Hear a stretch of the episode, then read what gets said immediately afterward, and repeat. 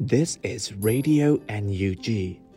the voice of National Unity Government of Myanmar, broadcasting for Myanmar Spring Revolution. Radio NUG is transmitting from shortwave 16 meter 17.71 megahertz at 8 a.m. and 25 meter 11.965 megahertz at 8 p.m. Myanmar Standard Time. မင်္ဂလာပါခင်ဗျာအမျိုးသားညီညွတ်ရေးအစိုးရရဲ့အတန်လွင့်ဌာန Radio NUG ကိုမနက်၈နာရီမှလိုင်းတို16မီတာ7.3 MHz ညပိုင်း၈နာရီမှလိုင်းတို25မီတာ17.665 MHz တို့မှာဓာတ်ရိုက်ဖမ်းယူနားဆင်နိုင်ပါပြီမင်္ဂလာအပေါင်းနဲ့ပြည့်စုံကြပါစေအခုချိန်ကစပြီး Radio NUG အစီအစဉ်တွေကိုဓာတ်ရိုက်အတန်လွှင့်ပေးနေပါပြီ။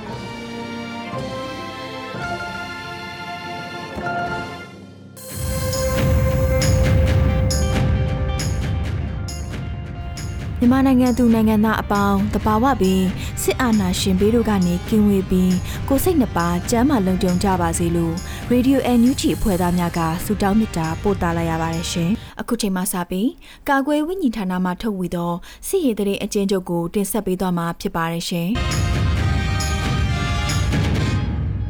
ကာကွယ်ရေးဝန်ကြီးဌာနမြို့သားညီညွတ်ရေးဆိုရမှာထုတ်ဝေတဲ့နေ့စဉ်စစ်ရေးတရေချင်းချုပ်ကိုတင်ဆက်ပေးမှာဖြစ်ပါတယ်။ကျွန်တော်ဟိန်းကိုကိုပါ စစ်ကောင်စီနဲ့တိုက်ပွဲဖြစ်ပွားမှုတရေများအနေနဲ့ကချင်ပြည်နယ်မှာနိုဝင်ဘာ၄ရက်နေ့မနက်3နာရီခန့်ကဝိုင်းမော်မြို့နယ်ဝီယန်ကျေးရွာမှာ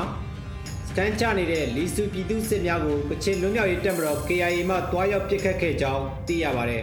။ချင်းပြည်နယ်မှာနိုဝင်ဘာ၄ရက်နေ့မနက်၈နာရီမှ၁၇နာရီထိကံပလက်မြို့နယ်ကျင်တွင်မြို့ဖုန်တွီကျင်ရက်ကွက်မှာ စက္ကစတက်နဲ့ CDF ကမ်ပလက်တို့တိုက်ပွဲဖြစ်ပွားခဲ့ရာစက္ကစဘက်မှ9ဦးသေဆုံးပြီးများပြားဒဏ်ရာရခဲ့ကြောင်းသိရပါတယ်။နိုဝင်ဘာ၄ရက်နေ့မနက်၈နာရီခွဲကမင်းတပ်မြို့နောက်ဘက်မင်းတပ်မတူဘီလန်6မိုင်နဲ့9မိုင်နားမှာစက္ကစတက်နဲ့ CDF မင်းတပ်တို့တိုက်ပွဲဖြစ်ပွားရာစက္ကစ9ဦးဒဏ်ရာရခဲ့ပြီးခလာရ204တို့တည်သွားကြောင်းသိရပါတယ်။နိုဝင်ဘာ၄ရက်နေ့နေ့လယ်2နာရီခန့်က မင်းတက်မတူပြီးမိုင်းနိုင်43မှာတန်ကြက်ကကားနှစ်စီးပါတဲ့စကားဆရင်နှန်းကို CDF မင်းတက်မှရှေးနောက်ညက်တိုက်ခဲ့ပြီးစကားဆအထီးကအကြဆုံးများနိုင်ကြောင်းသိရပါတယ်။ရှမ်းပြည်နယ်မှာနိုဝင်ဘာ၄ရက်နေ့မနက်10:00နာရီခွဲခန့်ကဖဲခုံမြို့နယ်စက်တော်ရကျေးရွာနီးမှာစကားဆတပ်များနဲ့ KNDF ပြည်သူ့ကာကွယ်ရေးပူးပေါင်းမဟာမိတ်တပ်တို့တိုက်ပွဲဖြစ်ပွားနေကြောင်းသိရပါတယ်။နိုဝင်ဘာ3ရက်နေ့နေ့လယ်7:00နာရီခန့်ကဖဲခုံမြို့နယ် ခေါင်းဤကျေးရွာအုပ်စုလွယ်ဝဲကျေးရွာမှာတက်ဆွဲထားတဲ့စကားစတပ်တွေကို KA, KNDF နဲ့ပြည်သူ့ကာကွယ်ရေးပူးပေါင်းမဟာမိတ်တပ်များမှခုခံတိုက်ခိုက်ခဲ့ရာစကားစတပ်ဖက်မှ2ဦးသေဆုံးခဲ့ပြီးအများအပြားထိခိုက်ဒဏ်ရာရခဲ့ကပြည်သူ့ကာကွယ်ရေးတပ်သား2ဦးမစိုးရိမ်ရတဲ့ထိခိုက်ဒဏ်ရာများရခဲ့ပါတယ်။အကွေးတိုင်းမှာနိုဝင်ဘာ၄ရက်နေ့မနက်၄နာရီခန့်ကမြိုင်မြို့နယ်မြိုင်ဗဟင်းလမ်းမပေါ်မှာ စကားစတပ်သားများစီးနင်းလာတဲ့ကားကိုပြည်သူ့ကာကွယ်ရေးတပ်ဖွဲ့မြိုင်မှမိုင်းဆွဲတိုက်ခိုက်ခဲ့ပါတယ်။တနင်္လာရီတိုင်းမှာနိုဝင်ဘာ3ရက်နေ့နေ့လယ်3နာရီပဲအချိန်ကရေပြူမြို့နယ်တစ်ကရိုးရွာမှမြေခန်ဒီရွာသို့သွားတဲ့စကားစတပ်သားများကိုဒေသခံပြည်သူ့ကာကွယ်ရေးတပ်ဖွဲ့မှမိုင်းဆွဲတိုက်ခိုက်ခဲ့ပြီးစကားစ9ဦးသေဆုံးခဲ့ပါတယ်။ထို့နောက်ညနေပိုင်းမှာ ကလုံးထာရွာမှတေကရိုးရွာသို့အင်အားပြည့်ရန်သွားတဲ့စကားစတပ်သားများလည်းမိုင်းဆွဲတိုက်ခိုက်ခံခဲ့ရကြောင်းသိရပါတယ်။ Sky တိုင်းမှာနိုဝင်ဘာ3ရက်နေ့မနက်၈နာရီခန့်ကကဏီမျိုးအတွက်ရေဝါချောင်းတရားနီးမှာစကားစနဲ့ကဏီမျိုးနယ်ပြည်သူ့ကာကွယ်ရေးတပ်ဖွဲ့ဝင်များတိုက်ပွဲဖြစ်ပွားခဲ့ပြီးစကားစတပ်သား3ထိခိုက်ဒဏ်ရာရရှိခဲ့ပါတယ်။ဆက်လက်ပြီးကဏီမြို့နယ်ရေလက်ကျွန်းရွာအနီးမှာနေထိုင်တဲ့စကားစတပ်များနဲ့ပြူစောတိများထံသို့ ရိတ်ခါတွားရောက်ပို့ဆောင်တဲ့ပြူစောတိတပ်ဖွဲ့ဝင်များစီးနင်းလာတဲ့ဆိုင်ကယ်၁၂စီးကိုလည်းပြည်သူ့ကာကွယ်ရေးတပ်ဖွဲ့မှမိုင်းဆွဲတိုက်ခိုက်နိုင်ခဲ့ရာ၈ဦးခန့်ထိခိုက်ဒဏ်ရာရရှိနိုင်ပါတယ်။မန်လေးတိုင်းမှာနိုဝင်ဘာ၄ရက်နေ့မနက်ပိုင်းကငင်းချန်တဲ့တောင်သာလမ်းပိုင်းရှောက်တော်ရိုးကျေးရွာအနီးမှာရှိတဲ့စက္ကစစစ်စေးရေးဂိတ်ကိုပြည်သူ့ကာကွယ်ရေးတပ်ဖွဲ့များမှကြားဖြတ်တိုက်ခိုက်ရာစက္ကစ၃ဦးသေဆုံးခဲ့ပြီးတဦးဒဏ်ရာရရှိကကား၃စီးပျက်စီးခဲ့ပါတယ်။ နိုဝင်ဘာ၄ရက်နေ့မနက်၄နာရီခန့်ကမြိုင်မြို့နယ်မြိုင်ပဟင်းလမ်းမပေါ်မှာစကားဆတပ်သားများစီးနင်းလာတဲ့ကားကိုပြည်သူ့ကာကွယ်ရေးတပ်ဖွဲ့မြိုင်မှမိုင်းဆွဲတိုက်ခိုက်နိုင်ခဲ့ပါတယ်။နိုနိုဝင်ဘာ3ရက်နေ့ညနေ6နာရီခန့်ကစင်ကူးမြို့နယ်ရွှေတီရဲကဲမှာတာဝန်ကျနေတဲ့အဆောင်ရဲနှုပ်ကိုမျိုးပြပျောက်ကြားအဖွဲ့တစ်ဖွဲ့မှဝင်ရောက်ပစ်ခတ်ပြီးရဲတပ်သားမင်းဖြိုဟင်းခြေထောက်မှာဒဏ်ရာရပြီးစင်ကူးဆေးရုံမှာစေကူတာမှုခံယူနေရပါတယ်။စေးပြစ်မှု မတရားဖမ်းဆီးတပ်ဖြတ်မိရှုမှုတရင်များအနေနဲ့ Sky တိုင်းမှာနိုဝင်ဘာ၄ရက်နေ့ကခေဦးမြို့နယ်တန်ပိုကျေးရွာသို့စကားဆက်တပ်များနဲ့မကြီးတုံကျေးရွာမှလက်နက်ကင်ပြူစောတီများစုစုပေါင်းအင်အား35ဦးဝန်းကျင်ဖြင့်ဝင်ရောက်စီးနင်းပစ်ခတ်ကရွာထဲမှပြည်သူအုပ်ကိုဖမ်းဆီးသွားခဲ့ပါတယ်။နိုဝင်ဘာ3ရက်နေ့ကကလေးမျိုးမှနတ်ချောင်းရွာသို့လာတဲ့စကားဆက်ရင်နှမ်းမှတပ်သားများတနက်ဖြန်ပစ်ခတ်မှုကြောင့်ကလေးမျိုးကားဝက်ရှော့မှလှုပ်ဆင်းပြီးပြန်လာတဲ့ ချင်းဆန်ရွာသားတို့ခြေထောက်မှာပြင်းထန်စွာဒဏ်ရာရရှိခဲ့ပါတယ်။နိုဝင်ဘာ3ရက်နေ့နေ့လယ်3နာရီခန့်ကမကွေးမြို့မဲလာတောင်အုပ်စုငင်းကင်းကျေးရွာရှိအလဲတန်းကျောင်းဆရာတော်ဦးနန္ဒီယာအားစကားဆက်တပ်သားများမှ PDF များကိုထောက်ပံ့မှုများပေးနေသည်ဟုဆွဆွဲကဖမ်းဆီးသွားခဲ့ပါတယ်။ရန်ကုန်တိုင်းမှာနိုဝင်ဘာ4ရက်နေ့မနက်3နာရီခန့်ကလိုင်မြို့နယ်2ရက်ကွက်တီတီ3လမ်းမှာအရက်ဝစ်စကားဆက်များမှ မာလာရှန်ကောဆိုင်မှာထိုင်နေတဲ့လူကြီး၄ဦးကိုမျက်စိအုပ်တနက်နဲ့ချိန်ပြီးဖမ်းသွားကြောင်းသိရပါတယ်။တနင်္လာရီတိုင်းမှာနိုဝင်ဘာ၄ရက်နေ့ကတဝယ်မြို့နဲ့လောင်းလုံးမြို့ကိုဆက်သွယ်ထားတဲ့ကမျောကင်းတရားစစ်စေးရေးဂိတ်မှာတာဝန်ယူနေတဲ့စကားဆက်တပ်သားများမှဖျက်သွားဖျက်လာအမျိုးသမီးများကိုစစ်ဆေးရမှာအပြိုအိုဟုတ်မဟုတ်မေးမြန်းကမလိုလားအပ်သည့်နေရာများကိုထိတွေ့စစ်ဆေးခြင်းများနဲ့ညအိတ်ရန်ထီကဘာရီကဘာပြောဆိုခြင်းများပြုလုပ်နေခဲ့ပါတယ်။ ရခိုင်ပြည်နယ်မှာနိုဝင်ဘာ3ရက်နေ့ညနေပိုင်းကတန်ရွဲမြို့အမှတ်9ရပ်ကွက်မှအမျိုးသမီး2ဦးနဲ့ငပလီမအမျိုးသမီး2ဦးစုစုပေါင်း3ဦးကို BDF နှင့်ဆက်သွယ်နေသည်ဆိုတာရဲတပ်ဖွဲ့မှဖမ်းဆီးသွားခဲ့ပါတယ်။ဖမ်းဆီးခံရသူများမှာ10တန်းကျောင်းသူမတ်သိတ်အေဂျင့်18နှစ်မတ်တင်စန္နာဝင်း25နှစ်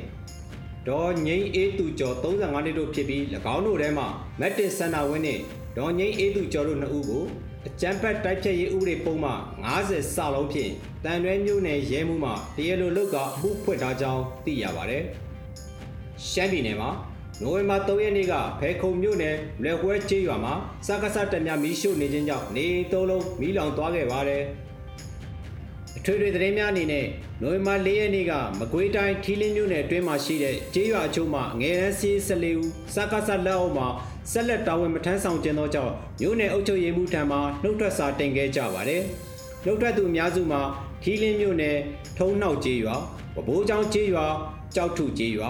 စင်တိုးကျေးရွာပလိန်ကိုင်းကျေးရွာရှောဖြူပင်ကျေးရွာကြာဥယင်ကျေးရွာအိုင်းမကျေးရွာအကြည်ဝါပင်ကျေးရွာဒန်တီကျေးရွာနက်လင်းကျေးရွာညာဝါပင်ကျေးရွာညောင်ကျေးရွာနဲ့ထူတောင်ကျေးရွာများမှဖြစ်ကြောင်းသိရပါတယ်။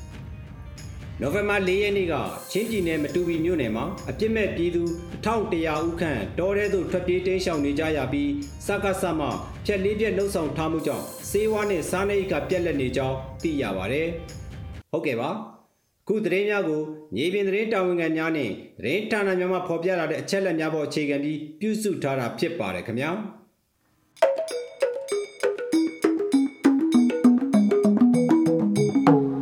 Radio NUG မှာဆက်လက်အသံလွှင့်နေပါတယ်။အခုဆက်လက်ပြီးနောက်ဆုံးရသတင်းများကိုຫນွေဦးမောင်နဲ့ຫນွေဦးမမဖတ်ကြားတင်ဆက်ပေးမှာဖြစ်ပါတယ်ရှင်။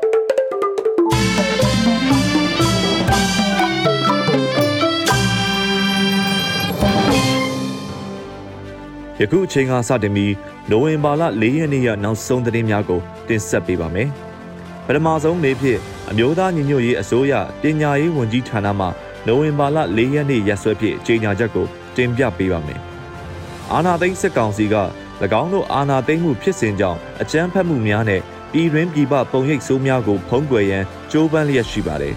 ။ထို့သောကြိုးပမ်းရာတွင်ပညာရေးကဏ္ဍကိုလည်း၎င်းတို့ရဲ့အတုံးချခံနယ်ပယ်တစ်ခုအဖြစ်အတုံးချနေပါတယ်။အမျိုးသားညီညွတ်ရေးအစိုးရအနေနဲ့ကျောင်းသားကျောင်းသူများစင်စက်မပြတ်လေးလာသင်ယူရေးအစီအစဉ်များကိုစ조사ဆောင်ရွက်လျက်ရှိပါတယ်။ အာနာသိန်းအဖွဲ့၏ရန်တရားများလဲပတ်ရေးကိုအထောက်အကူပြုမဲ့စာတင်ကျောင်းများဖွင့်လှစ်ရေးကိုအတိမမပြုကြောင်းအားကြေညာခဲ့ပြီးဖြစ်ကြောင်းနဲ့မိဘများအနေဖြင့်ကျောင်းသားကျောင်းသူများအတန်းတင်အတန်းတက်ရေးကိုစိုးရိမ်မှုမရှိရန်သားသမီးများ၏အရွယ်လိုက်အတန်းအဆင့်တက်ရောက်နိုင်ရေးကို NUG အစိုးရအနေနဲ့စီစဉ်လျက်ရှိကြောင်းပညာရေးဝန်ကြီးဌာနကအသိပေးထုတ်ပြန်ထားကြောင်းသိရှိရပါတယ်။ယခုဆက်လက်ပြီးအမျိုးသားညီညွတ်ရေးအစိုးရ နိုင်ငံသားရေးဝန်ကြီးဒေါ်စင်မအောင်နဲ့ UK အစိုးရနိုင်ငံသားရေးဌာနအာရှရေးရာဝန်ကြီးတို့တွေ့ဆုံဆွေးနွေးကြတဲ့တဲ့တင်ကိုတင်ဆက်ပေးပါမယ်။နိုင်ငံသားရေးဝန်ကြီးဒေါ်စင်မအောင်နဲ့ UK အစိုးရနိုင်ငံသားရေးဌာနအာရှရေးရာဝန်ကြီး Mrs. Amanda Milling တို့နိုဝင်ဘာ၄ရက်နေ့ကတွေ့ဆုံဆွေးနွေးခဲ့ကြပါတယ်။ထို့သို့တွေ့ဆုံရာတွင်စစ်ကောင်စီ၏အတ္တမအာဏာသိမ်းမှုနောက်ပိုင်းဖြစ်ပေါ်လာတဲ့အကြမ်းဖက်ဖြိုခွင်းမှုပြည်သူလူထု၏ပိုင်ဆိုင်မှုများအားစစ်ကောင်စီမှသိမ်းယူဖျက်ဆီးမှု ဒိုင်းရင်သားဒေသများတွင်စစ်ကောင်စီ၏လူအခွင့်အရေးချိုးဖောက်မှုလူသားချင်းစာနာထောက်ထားမှုဆိုင်ရာအကူအညီပေးရေးနှင့်စိန်ခေါ်မှုများကိုဗစ်ကာကွယ်ဆေးရရှိရန်အရေးကြီးလိုအပ်နေမှုအစရှိသည်တို့ကိုရှင်းလင်းဆွေးနွေးခဲ့ကြတယ်လို့သိရပါတယ်။ထိုတွေ့ဆုံမှုသတင်းကို UK တန်ယုံမှနိုဝင်ဘာလ၄ရက်နေ့မှာတရားဝင်ဖော်ပြထားကြောင်းသိရှိရပါတယ်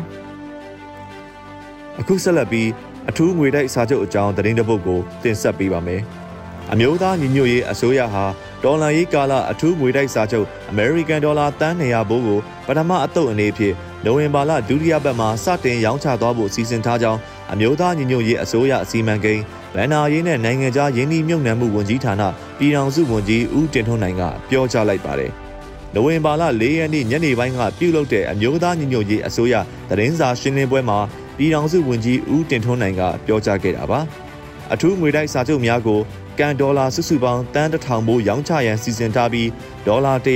900 1000 9000နဲ့စတဲ့စာချုပ်ပုံစံ၄မျိုးဖြင့်ရောင်းချပေးသွားမှာဖြစ်တယ်လို့သိရှိရပါတယ်။ဆက်လက်ပြီးကြန့်ရှိသတင်းများကိုမတ်နွေဦးမော်မှဆက်လက်တင်ဆက်ပေးပါမယ်။ဆက်လက်ပြီးတော့မြမနွေဦးထီအကြောင်းသတင်းတစ်ပုဒ်တင်ဆက်ပေးမှာဖြစ်ပါတယ်။ မြို့သားညီညွတ်ရေးအစိုးရရဲ့မြမနွေဦးထီကိုနိုဝင်ဘာလ9ရက်နေ့မှ25ရက်နေ့အထိမနက်10:00နာရီမှည10:00နာရီအတွင်းရောင်းချသွားမည်ဖြစ်ကလစဉ်လာတိုင်းပုံမှန်အတိုင်းရောင်းချပေးသွားတော့မှာဖြစ်ကြောင်း NUG အစိုးရရဲ့စီမံကိန်းဗဏ္ဍာရေးနှင့်နိုင်ငံခြားယင်းနှိမ့်မြုံနှံမှုဝန်ကြီးဌာနကပြောကြားခဲ့ပါတယ်။မြမနွေဦးထီစမ်းသက်ကာလအတွင်းရောင်းချခဲ့သောရောင်းရငွေများအနက်တဦးလျင်ငွေကျပ်တသိန်းနှုန်းဖြင့်စီရီယမ်မွေနဲ့9800ကျော်ကိုထောက်ပံ့နိုင်ခဲ့ပြီး ယခုနိုဝင်ဘာလမှစတင်ကတလလျင်စီရီယမ်မွေနဲ့2သိန်းအထိထောက်ပံ့နိုင်မှု NUG အစိုးရကမျှော်မှန်းထားကြောင်း NUG အစိုးရစီမံကိန်းဗန္နာရေးနှင့်နိုင်ငံခြားယင်းနှိမ့်မြုပ်နှံမှုဝန်ကြီးဌာနဒုဝန်ကြီးဦးမင်းစရာဦးကပြောကြားလိုက်ပါတယ်။ဆက်လက်ပြီးပြည်သူ့ကာကွယ်ရေးတပ်ဒီမော့ဆိုမှထုတ်ပြန်ထားတဲ့သတင်းတစ်ပုဒ်ကိုပြောပြပေးပါမယ်။မြို့သားညီညွတ်ရေးအစိုးရရဲ့လမ်းညွှန်မှုအောက်မှာရှိတဲ့ကရင်ပြည်နယ်ဒီမော့ဆိုမြို့နယ်မှာပြည်သူ့ကာကွယ်ရေးတပ်ဒီမော့ဆိုတရင်စီမှ မိုးမှန်တင်တဲ့ကိုအောင်မြင်စွာကျင်းပပြုလုပ်နိုင်ခဲ့တယ်လို့နိုဝင်ဘာလ၄ရက်နေ့မှာပြည်သူ့ကာကွယ်ရေးတပ်ဒီမော့ဆိုမှထုတ်ပြန်ခဲ့ပါတယ်။အခက်ခဲကြားတွေကအဖက်ဖက်မှကူညီနေသောအလူရှင်များကိုလည်းအထူးပင်ဂုဏ်ပြုအပ်ပါကြောင်းပြည်သူ့ကာကွယ်ရေးတပ်ဒီမော့ဆိုကရေးသားထားပါတယ်။ခုခံတွန်းလှန်စစ်တိုက်ပွဲသတင်းကိုထပ်မံတင်ပြပေးမှာဖြစ်ပါတယ်။နိုဝင်ဘာလရက်နေ့နနက်ပိုင်း၈နာရီမှစပြီးတော့ဖဲခုံမြို့နယ်ကောင်းကြီးရွာအုပ်စုလွယ်ဝဲရွာနဲ့စက်တော်ကြီးရွာများမှာ အာနာသိန်းအုပ်စုနဲ့ပြည်သူ့ကာကွယ်ရေးတပ်တို့ကြားတိုက်ပွဲပြင်းထန်လျက်ရှိနေပါတယ်။ဖဲခုံအခြေဆိုင်ကျန်းဖတ်စစ်ကောင်စီတရင်များမှလက်နက်ကြီးများဖြင့်အဆက်မပြတ်ပစ်ခတ်ခဲ့ပြီးလက်နက်ကြီးများလွှင့်စင်ထိမှန်မှုကြောင့်ပြည်သူ့ကာကွယ်ရေးတပ်ဖွဲ့များဘက်မှရဲဘော်အချို့ဟာမစိုးရင်ရသောထိခိုက်ဒဏ်ရာရခဲ့ကြောင်းသိရပါတယ်။အကြမ်းဖက်စစ်ကောင်စီတပ်များကိုခုခံတွန်းလှန်ရာတွင်ကရင်နီတပ်မတော် KA KNDF နဲ့ PDF ပူးပေါင်းမဟာမိတ်ဖွဲ့များမှပူးပေါင်းခုခံလျက်ရှိကြောင်းနဲ့ စစ်ကောင်စီဘက်မှအကြဆုံးစည်းအားအတိမပြုတ်နိုင်သေးဘူးလို့ဖက်ခုံပြည်သူကာကွယ်ရေးတပ်ဖွဲ့မှသတင်းထုတ်ပြန်ထားပါတယ်ရှင်။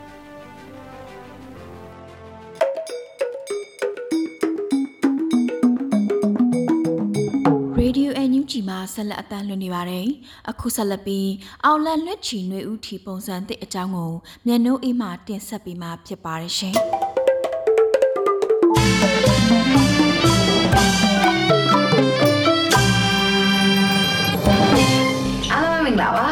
အမျိုးသားညီညွတ်ရေးအစိုးရရဲ့အောင်လန်လွင့်ချီတွေဦးတီကိုစမ်းသက်ရောင်းချခဲ့တာမှာပြည်သူတွေရဲ့တော်လိုင်းရဲ့အသည့်တော်လိုင်းတတိတွေနဲ့တခဲနဲ့ပူပေါင်းပါဝင်ပေးခဲ့ကြလို့အောင်မြင်မှုရရှိခဲ့တာအားလုံးလည်းသိပြီးသားဖြစ်မှာပါအခုချိန်မှာတော့စမ်းသက်ရောင်းချတဲ့ကာလပြီးမြောက်သွားပြီဖြစ်လို့အောင်လန်လွင့်ချီတွေဦးတီကိုတရဝင်ဖွင့်လှစ်ရောင်းချပေးမှာဖြစ်တဲ့အကြောင်းအားလုံးကိုသတင်းကောင်းပါချင်ပါတယ်ရှင် နွေဦးထီပုံစံသစ်မှာထီလက်မှတ်ဝယ်ယူခြင်းသူတွေအနေနဲ့ကိုယ့်ရဲ့ Wave account ဒါမှမဟုတ် Wave Pay, KPay, True Money Agent တွေကနေတဆင့်ငွေလွှဲပြီးတော့ဝယ်ယူနိုင်ပါတယ်။ထီလက်မဲ့စင်းလုံးတွေကတော့အရင်ကလိုပဲတစ်ဆောင်ကို2000ကျပ်ဖြစ်ပြီးတော့အနည်းဆုံး9ဆောင်ကနေ10ဆောင်15ဆောင်အဆောင်20စရှိတဲ့ဖြစ်အများဆုံးအဆောင်90အထိဝယ်ယူနိုင်မှာပဲဖြစ်ပါတယ် ထီလက်မှတ်ဝယ်ယူမဲ့သူကလက်မှတ်မဝယ်ယူခင်မိမိဝယ်ယူမဲ့လက်မှတ်အရေးအတွက်အတိုင်းကြားသိန်းတွေကို Wave account သို့မဟုတ် Wave Pay, KPay, True Money တခုခုရဲ့ agent တွေကနေတစ်ဆင့်အကောင့်မဖွင့်ထားတဲ့မိမိရဲ့ကိုယ်ပိုင်ဖုန်းနံပါတ်ကိုကြိုတင်လွှဲထားရမှာပဲဖြစ်ပါတယ်စိတ်ချရတဲ့ကိုယ့်ရဲ့မိသားစုဝင်တငယ်ချင်းမိတ်ဆွေတွေကိုလည်းလွှဲလို့ရပါတယ်သူတို့ဖုန်းနံပါတ်စီဝင်လာမဲ့ message ကိုတော့ပြန်တောင်းဖို့လုပ်မယ်နော် အဲ့လိုငွေလဲပြီးရင်တော့ Blue Mac ပါတဲ့ Outland လွှင့်ချီငွေဦးတီ Messenger bot ကနေတဆင့်ငွေလဲစင်ကရရှိထားတဲ့ transaction ID, secret code, OTP စတဲ့အချက်လက်တွေကိုမမှန်ကန်ကန်ဖြည့်ငွေလဲထားတဲ့ဖုန်းနံပါတ်ကိုဝင်လာတဲ့ message ကို screenshot ရိုက်ထားပြီး upload လုပ်လိုက်မယ်ဆိုရင်ထီလက်မှတ်ဝယ်ယူတဲ့လုပ်ငန်းစဉ်အောင်မြင်ပါပြီ။ တတိပြမှာတစ်ခုကတော့ ID ကုတ်စတဲ့အချက်လက်တွေကိုမှန်ကန်စွာဖြည့်သွင်းဖို့နဲ့မိငွေလဲထားတဲ့ပမာဏနဲ့ကိုက်ညီတဲ့လက်မှတ်အဆောင်အရေးအတွက်ကိုမှန်ကန်စွာရွေးချယ်ဖို့အရေးကြီးပါတယ်။ထီရောင်းရငွေတွေကိုစမ်းသက်ရောင်းချစဉ်ကလိုပဲຫນွေဦးတော်လိုင်းရေးသူရဲကောင်း CDM ဝန်ထမ်းများကိုထောက်ပံ့ပေးအပ်တော့မှာပဲဖြစ်ပါတယ်။စုချင်းငွေအနေနဲ့ကတော့တစ်လရောင်းရငွေရဲ့30ရာခိုင်နှုန်းကိုကန်ထုရှင်တူကို15သိန်းကျပ်စုချင်းငွေဖြစ်ပြန်လည်ပေးအပ်တော့မှာဖြစ်ပါတယ်။ စုချင်းတွေကို NUG ကိုပြန်လည်လူဒန်းလို့ရင်လူဒန်းနိုင်ပြီးတော့ NUG ကဂုံပြုတ်မှတ်တမ်းတော့ပြန်လည်ပေးအပ်တော့မှာဖြစ်တယ်လို့ NUG ရဲ့အရေးကြီးတဲ့အခန်းကဏ္ဍတွေမှာပြန်လည်အသုံးပြုတော့မှာဖြစ်ပါတယ်။ຫນွေဦးတော်လိုင်းရဲ့အချိန်မြင့်လာချိန်မှာຫນွေဦးထီကိုပူပေါင်းပါဝင်အားပေးရင်းနဲ့တော်လိုင်းရေးမှာဆက်လက်ပါဝင်အားဖြည့်ပေးကြပါလို့တိုက်တွန်းလိုက်ပါတယ်။မကြခင်ပြန်လည်ရောင်းချမဲ့ຫນွေဦးထီကိုအားပေးဖို့အခုပဲအစင်သစ်ပြင်ထားလိုက်ကြတော့နော်။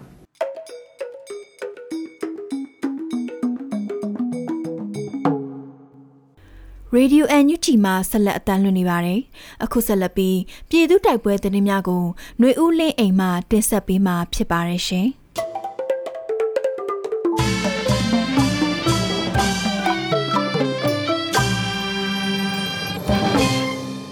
ပထမဆုံးအနေနဲ့ကံပက်လက်မှာ CDF နဲ့စစ်ကောင်စီတပ်တို့တိုက်ပွဲဖြစ်ပွားပြီးစစ်သား9ဦးသေဆုံးကတက်ဆုပ်ပြေးတဲ့တဲ့ရင်ကိုတင်ဆက်ပေးမှာပါ။ ချင်းပြည်နယ်ကံပလက်မြို့နယ်တွင်ချင်းကာကွယ်ရေးတပ် CDF နဲ့စစ်ကောင်စီတပ်များအကြားယနေ့နနက်၈နာရီမှ၁၇နာရီအထိ၃နာရီကြာတိုက်ပွဲဖြစ်ပွားပြီးစစ်ကောင်စီဘက်မှစစ်သား9ဦးသေဆုံးကတပ်ဆုပ်ခွာထွက်ပြေးသွားကြောင်းကံပလက် CDF ကသတင်းထုတ်ပြန်ပါတယ်။ကျင်တွင်းမြို့ရှိအကြမ်းဖက်စစ်ကောင်စီနဲ့ CDF ကံပလက်တို့ဟာနိုဝင်ဘာလ၄ရက်နနက်၈နာရီမှနနက်၁၇နာရီအထိ၃နာရီကြာတိုက်ပွဲပြင်းထန်ခဲ့ကြောင်း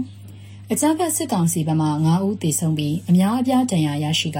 စစ်ကောင်စီတပ်များပြန်လည်ဆုတ်ခွာသွားကြောင်းသိရှိရပါတယ်။တိုက်ပွဲဖြစ်ပွားရာနေရာဟာကျင်တွင်းမြို့ဖုန်တွီချင်းရပ်ကွက်ရဲ့အထက်ပိုင်းဖြစ်ပြီးအကြမ်းဖက်စစ်ကောင်စီတပ်များကဖုန်တွီချင်းရပ်ကွက်အထက်ပိုင်းရှိ CDF ကံပတ်လက်ရဲ့ထိန်းချုပ်နယ်မြေကိုမော်တော်ဆိုင်ကယ်တွေနဲ့ဝင်ရောက်လာရမှနှစ်ဖက်ထိတွေ့တိုက်ပွဲဖြစ်ပွားခဲ့ခြင်းဖြစ်ကြောင်းသိရှိရတာပါ။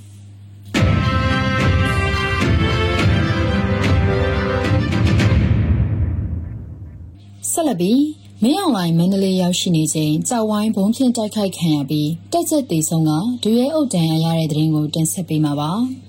အကြမ်းဖက်စစ်ကောင်ဆောင်မင်းအောင်လိုင်းမန္တလေးရောက်ရှိနေချိန်မန္တလေးကြောက်ဝိုင်းဘုံဖြင့်တိုက်ခိုက်ခံရပြီးစစ်ကောင်စီတက်ချက်တေဆုံးကဒွေရဲအုပ်တန်ရရရှိကြောင်းအဆိုပါဘုံဖြင့်တိုက်ခိုက်မှုဟာဗမာစာမဏီအဖွဲ့က၎င်းတို့လက်ချက်ဖြစ်ကြောင်းကြေညာပါရယ်။ နိုဝင်ဘာ၄ရက်နေ့မနက်အစောပိုင်းဖြစ်ပွားတဲ့အဆိုပါဖောက်ခွဲမှုကြောင့်ရဲတပ်ချက်တအူသေဆုံးပြီးဒူရဲအုပ်တအူဒဏ်ရာရရှိခဲ့ကြောင်းစစ်ကောင်စီမှကြောက်မြတ်စီအားဖွင့်ရန်စာထုတ်ခဲ့ခြင်းအပေါ်ဗမာစာမဏေအဖွဲ့ကတုံ့ပြန်ခြင်းဖြစ်ကြောင်းသိရှိရပါတယ်။လက်ရှိမှာမန္တလေးတွင်စိုက်ကယ်နှင့်ကားတွေကိုအထူးကြက်မှတ်စစ်ဆေးလျက်ရှိကြောင်းဒေသခံများကဆိုပါတယ်။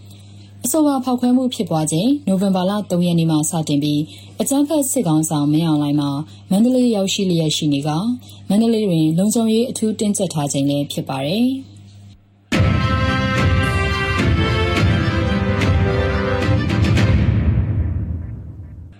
ဆက်လက်ပြီးမတူပီပလက်ဝလမ်းပိုင်းအကြမ်းဖက်စစ်ကောင်စီတပ်နဲ့ CDF မတူပီတို့တိုက်ပွဲတွင်စစ်ကောင်စီမှအနည်းဆုံး20ခန့်တေဆုံးပြီး10ဦးဒဏ်ရာပြင်းထန်တဲ့တဲ့ရင်ကိုတင်ဆက်ပေးပါမယ်။ချင်းပြည်နယ်မတူပီပလက်ဝလမ်းပိုင်း6မိုင်ခန့်တွင်အော်တိုဘာလ30ရက်ညနေ6နာရီခန့်က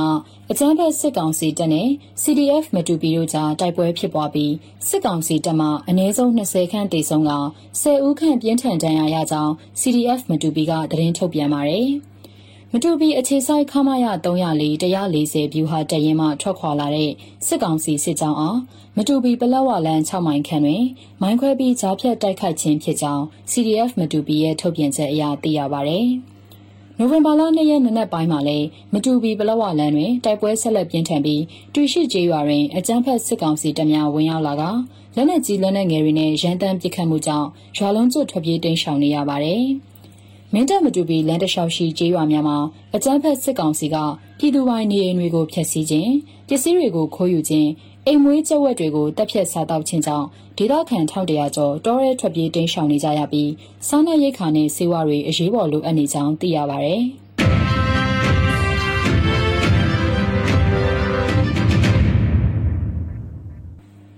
တန့်စင်မှာစစ်ကောင်စီတက်ဆွဲထားတဲ့စိုက်ပျိုးရေးရုံကိုပြည်သူ့ကာကွယ်ရေးပူးပေါင်းတပ်ဖွဲ့တွေဝင်တိုက်ခတ်ရာ RPG နဲ့မှပြစ်ခတ်တာကြောင့်စစ်ကောင်စီဘက်မှ၄ဦးသေဆုံးပြီးတဦးဒဏ်ရာရတဲ့တဲ့ရင်ကိုဆက်လက်တင်ဆက်ပေးပါမယ်။စကိုင်းတိုင်းတန်းဆယ်မြို့နယ်မှာနိုဝင်ဘာလ3ရက်နေ့မွန်းလွဲ12:15မိနစ်မှာအင်ကုတ်ကားကျေးရွာရှိစိုက်ပျိုးရေးရုံတွင်တက်ဆွဲထားတဲ့စစ်ကောင်စီတပ်တွေကိုဒေသပြည်သူ့ကာကွယ်ရေးပူးပေါင်းတပ်တွေကဝင်ရောက်တိုက်ခတ်ရာ စစ်ကောင်စီဘက်မှ၄ဦးသေဆုံးပြီးတဦးဒဏ်ရာရရှိကြောင်းဒေသကာကွယ်ရေးတပ် TPC ကသတင်းထုတ်ပြန်ထားတာပါ။နိုဝင်ဘာ3ရက်12:15မိနစ်ဝန်းကျင်မှာအင်ကုတ်ကားရွာစိုက်ပျိုးရေးရုံးမှာတက်ဆွဲထားတဲ့စစ်တပ်ကို TPC နဲ့ CAF အဖွဲ့တို့ပူးပေါင်းစစ်စင်ရေးတခုဆောင်ရွက်ခဲ့ကြောင်းစစ်ကောင်စီဘက်မှ၄ဦးသေဆုံးပြီးတဦးဒဏ်ရာရရှိကြောင်းဒေသပြည်သူ့ကာကွယ်ရေးတပ်ဖက်မှအထူးအခိုက်မရှိကြောင်း Tanzania People's Comrades TPC ကထုတ်ပြန်ပြောဆိုပါရယ်။ TBC ကထုတ်ပြန်ထားတဲ့ဗီဒီယိုမှာစစ်ကောင်စီတပ်တွေကို RPG နဲ့မှပစ်ခတ်နေတာကိုမြင်တွေ့ရပါတယ်။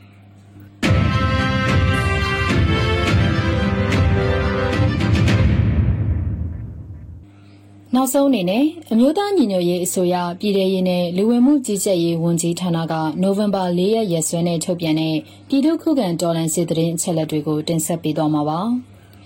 အာဏာသိမ်းအကြမ်းဖက်စစ်အုပ်စုရဲ့ပြည်သူလူထုအပေါ်အကြမ်းဖက်ဖိနှိပ်ဖန်ဆီးတိုက်ခိုက်တပ်ဖြတ်နေမှုတွေကိုပြည်သူလူထုတရက်လုံးကအသက်ရှင်တန်ရေးအတွက်မိမိကိုယ်ကိုမိမိခုခံကာကွယ်ပိုင်ခွင့်အရာပြည်သူခုခံစစ် People's Defensive War ကိုဆင်နွှဲလျက်ရှိပါတယ်။တရင်ချက်လက်တွေအရ3ရက်17လ2021ရက်နေ့မှာရန်သူစစ်ရေးပြစ်မှတ်14နေရာအုပ်ချုပ်ရေးပြစ်မှတ်73နေရာနဲ့စီးပွားရေးပြစ်မှတ်4နေရာတို့ကိုခုခံတိုက်ခိုက်နိုင်ခဲ့ပါတယ်။ စစ်အာဏာရှင်စနစ်မြမမြေပေါ်မှာအပိတိုင်ချုပ်ငြိမ်းရေးနဲ့ Federal Democracy တည်ဆောက်ရေးအတွက်ငြိမ်းချမ်းစွာဆန္ဒပြတဲ့လူလူသပိတ်တိုက်ပွဲတွေကပြည်내နဲ့တိုင်းဒေသကြီးတွေမှာဖြစ်ပွားပေါ်ပေါက်လျက်ရှိပါတယ်။မြေပြင်မှာယခုတွေ့ရတဲ့သတင်းအချက်အလက်တွေထက်ပို၍ဖြစ်ပွားနိုင်ပါတယ်ရှင်။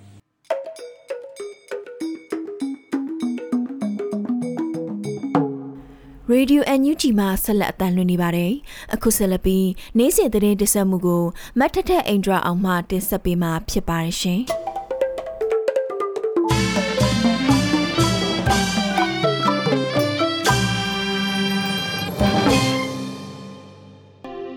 ထမအဆုံးအနေနဲ့ဒီပါဝလီအခမ်းအနားကိုအမျိုးသားညီညွတ်ရေးအစိုးရတုံ့ပြန်ပေးပို့ခဲ့တဲ့သတင်းကိုတင်ဆက်ပေးခြင်းပါတယ်။ဒီကနေ့နိုဝင်ဘာ၄ရက်နေ့မှာကြာရောက်တဲ့ဟိန္ဒူဘာသာဝင်တွေရဲ့ဒီပါဝလီအခမ်းအနားကိုအမျိုးသားညီညွတ်ရေးအစိုးရကတုံ့ပြန်ပေးပို့ခဲ့တာပါ။ဒီကနေ့ဟာပြည်ထောင်စုမြန်မာနိုင်ငံအတွင်းမတူကွဲပြားတဲ့ကိုယ်ဝယ်ယုံကြည်ရာဘာသာတရားများအတူရှင်တွဲတည်ရှိရှင်သန်နေတာကိုပြသတဲ့အမှတ်လက္ခဏာတရက်လို့တုံ့ပြန်မှာပါရှိပါတယ်။ အခုချိန်ဟာအာဏာသိမ်းစစ်ကောင်စီကြောင့်မြန်မာနိုင်ငံသူနိုင်ငံသားအပေါင်းလုံခြုံအေးချမ်းမှုတို့ပျောက်ဆုံးကင်းမဲ့က မျိုးစုံသောအစိုးအညံ့တွေနဲ့စိတ်ဆင်းရဲကိုဆင်းရဲညှိုးငယ်စွာနေထိုင်ကြရတဲ့အချိန်ကာလဖြစ်ပါတယ်။ဒီပါဝလီနေ့မှာပြည်ထောင်စုမြန်မာနိုင်ငံသူနိုင်ငံသားတွေအားလုံးလက်လွတ်ပြောက်ဆုံးခဲ့ရတဲ့လုံခြုံညီချမ်းမှုတွေနဲ့အနာဂတ်အတွက်ကောင်းမြတ်တဲ့မျှော်လင့်ချက်တွေပြန်လည်ရှင်သန်နိုးထလာနိုင်ပါစေကြောင်းနဲ့ဆရာနာရှင်ချုပ်ငြိမ်းရေးနဲ့ပြည်သူလွတ်မြောက်ရေးအတွက်ခုခံတွန်းလှန်စစ်ဆင်နွှဲနေကြတဲ့နယ်မြေအသီးသီးကပြည်သူတွေအားလုံးအောင်မြင်မှုတွေရရှိပါစေကြောင်းအမျိုးသားညီညွတ်ရေးအစိုးရကစုမုံကောင်းတောင်းထားပါတယ်။ ပြည်ထောင်စုပါဟိန္ဒူဘာသာဝင်တွေအားလုံးစိတ်ရဲ့ကျမ်းမာခြင်းကိုယ့်ရဲ့ချမ်းသာခြင်းတွေရရှိလျက်ဘေးကင်းရန်ကွာလုံခြုံသာယာပြီးတော့အစိုးညံ့နေပြောက်ကအကောင်းမြတ်တွေရရှိခံစားနိုင်ပါစေလို့တဝန်လွှာမှာဆုတောင်းမေတ္တာပို့သပေးထားတာကိုတွေ့ရပါတယ်။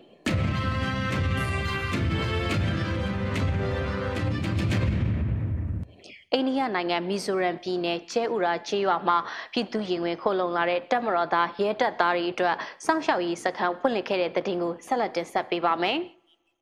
အိန္ဒိယမြန်မာနယ်စပ်မှာရှိတဲ့မီဇိုရမ်ပြည်နယ်လောင်တလိုင်ခရိုင်ကျဲဥရာကြီးရွာမှာပြည်သူရင်ဝင်ခိုလုံလာတဲ့တပ်မတော်သားနဲ့ရဲတပ်သားတွေအတွက်ခိုလုံရစခန်းတစ်ခုကိုဒေသခံရွာသူရွာသားတွေအိန္ဒိယလူမှုအခြေပြုအဖွဲ့အစည်းတွေနဲ့ချင်းပြည်နယ်ကပြည်သူကိုစားပြုလွှတ်တော်ကိုယ်စားလှယ်တွေကဦးစီးပြီးတော့စတင်ဖွင့်လိုက်ပြီလို့သိရပါတယ်။အခုလက်ရှိရဲမိသားစုနှစ်စုကိုလက်ခံထားရှိပြီးတော့နောက်ထပ်ထပ်မံရောက်ရှိလာမဲ့သူတွေရှိသလိုစုစုပေါင်းလူဦးရေ100ခန့်ထားရှိနိုင်တယ်လို့သိရပါတယ်။ အိန္ဒိယနိုင်ငံပြည်သူတွေနဲ့လူမှုအခြေပြုအဖွဲ့အစည်းတွေကျောင်းသားသမဂ္ဂတွေကနေရာအပြင်လျှက်စစ်တွေတွေ့တန်းပေးတာနဲ့စာရေးတောက်ရေးတွေကိုလည်းကုညီဆောင်ရွက်ပေးတယ်လို့ကမ်တာဝန်ရှိသူကပြောပါတယ်။ အမျိုးသားညီညွတ်ရေးအစိုးရဟာပြည်သူ့ရင်ဝင်ခိုလုံရေးအစီအစဉ်အကောင့်တဲဖော်မှုကော်မတီကိုတိုင်းသားညီနောင်များနဲ့အတူဖွဲ့စည်းပြီးပြည်သူ့ရင်ဝင်ခိုလုံလာတဲ့တက်မတော်သားရဲတပ်သားတွေရဲ့နေရေးထားရေးစောင့်ဝတ်နေရေးနဲ့မိသားစုတွေရဲ့ဘဝနောင်ရေးတွေကိုတက်ဆွမ်းတဲ့၍ကုညီဆောက်ရှောက်ပေးနေတာဖြစ်ပြီးအခုခိုလုံရစခန်းအဆိုရင်လည်းအဲ့ဒီကော်မတီရဲ့အစိတ်ပိုင်းတစ်ခုဖြစ်ပြီးတော့မီဇိုရမ်မြန်မာပူးပေါင်းဆောင်ရွက်ရေးအဖွဲ့နဲ့ပူးပေါင်းဆောင်ရွက်နေတာဖြစ်ပါတယ်။ စခန်းတီထောင်သူတွေထဲမှာပါဝင်တဲ့မင်းတပ်ပြည်သူ့လွှတ်တော်ကိုယ်စားလှယ်ဦးနေလင်းအောင်ကစခန်းဖွင့်လှစ်ရတဲ့ရည်ရွယ်ချက်နဲ့ပတ်သက်ပြီးတော့အခုလိုပြောပြပါဗျ။အဓိအဓိကရည်ရွယ်ချက်ကတော့ အဓိကရည်ရွယ်ချက်ကတော့သူတို့ကကျွန်တော်တို့ဒီမှာမြန်မာနိုင်ငံဖက်ဒရယ်ဒီမိုကရေစီရရှိရေးအတွက်ဒီကြည်မကုံတဲ့ဒီဟိုဟာပေါ့ကျွန်တော်တို့ရဲ့ဒီတော်လှန်ရေးဖြစ်တဲ့ပြည်သူရင်ခွင်အတွက်ခိုးဝင်လာတဲ့ရဲနဲ့စစ်သားတွေအတွက်တီးတန့်ထားမဲ့ဒီကျဲဥရန်ဆိုတဲ့ဒီကျဲဥရန်ရွာမှာကျွန်တော်ထန်တလန်နယ်စပ်မှာပါခင်ဗျမင်းမြန်မာနိုင်ငံရဲ့ထန်တလန်နယ်စပ်နဲ့ဟိုဒီပဲရှိတဲ့ရွာလေးမှာဒါဖွင့်လှစ်ထားခြင်းဖြစ်ပါတယ်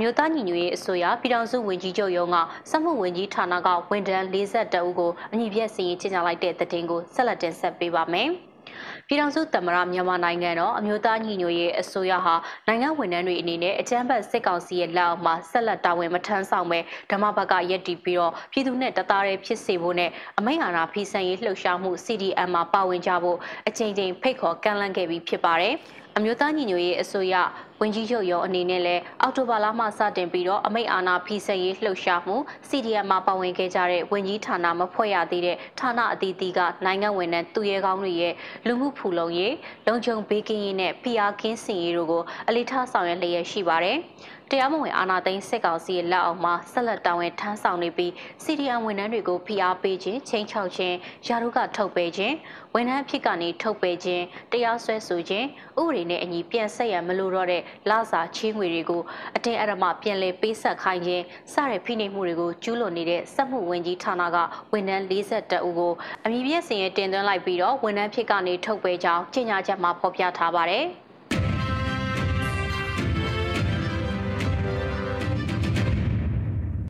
ဆက်လက်ပြီးစစ်ကောင်စီနဲ့ပူးပေါင်းပြီးဆီယနာရှင်အလူကြလှုပ်ဆောင်နေတဲ့ပညာရေးဝန်ထမ်း188ဦးကိုအမျိုးသားညီညွတ်ရေးအစိုးရပညာရေးဝန်ကြီးဌာနကယာရုကနေထုတ်ပယ်လိုက်တဲ့တဲ့တင်ကိုဆက်လက်တင်ဆက်ပေးပါမယ်။စစ်ကောင်စီနဲ့ပူးပေါင်းပြီးဆီယနာရှင်အလူကြလှုပ်ဆောင်နေတဲ့ပညာရေးဝန်ထမ်း188ဦးကိုယာရုကနေထုတ်ပယ်လိုက်တယ်လို့အမျိုးသားညီညွတ်ရေးအစိုးရပညာရေးဝန်ကြီးဌာနကနိုဝင်ဘာ၄ရက်နေ့မှာထုတ်ပြန်ပါတယ်။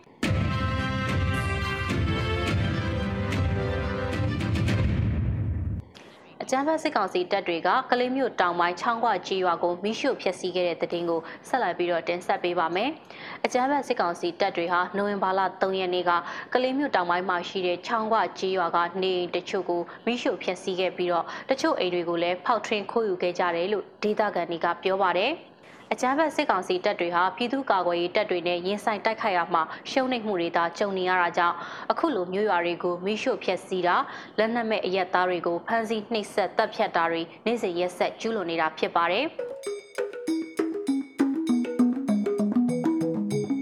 ဒီကနေ့ကတော့ဒီညနေပဲ Radio NUG ရဲ့အစီအစဉ်တွေကိုခਿੱတရနာလိုက်ပါမယ်မြန်မာစံတော်ချိန်မနက်၈နာရီနဲ့ညနေ၈နာရီအချိန်တွေမှာပြန်လည်ဆုံတွေ့ကြပါစို့ Radio NUG ကိုမနက်၈နာရီမှလိုင်းတို16မီတာ7.7 MHz ညပိုင်း၈နာရီမှလိုင်းတို25မီတာ17.665 MHz တို့မှာဓာတ်ရိုက်ဖမ်းယူနားဆင်နိုင်ပါပြီ။မြန်မာနိုင်ငံသူနိုင်ငံသားများကိုစိတ်နှပြကျန်းမာချမ်းသာလို့ဘေးကင်းလုံခြုံကြပါစေလို့ Radio NUG အဖွဲ့သူအဖွဲ့သားများကဆုတောင်းလိုက်ရပါတယ်။အမျိုးသားညီညွတ်ရေးအစိုးရရဲ့စက်သွယ်ရေး တရင်အချက်အလက်နဲ့ဤပညာဝန်ကြီးဌာနကထုတ်လွှင့်နေတဲ့ Radio NUG ဖြစ်ပါတယ်။စ San Francisco Bay Area အခြေစိုက်မြန်မာမိသားစုများနဲ့နိုင်ငံတကာကစေတနာရှင်များလှူအားပေးများရဲ့ Radio NUG ဖြစ်ပါတယ်။အရေးတော်ပုံအောင်ရမည်။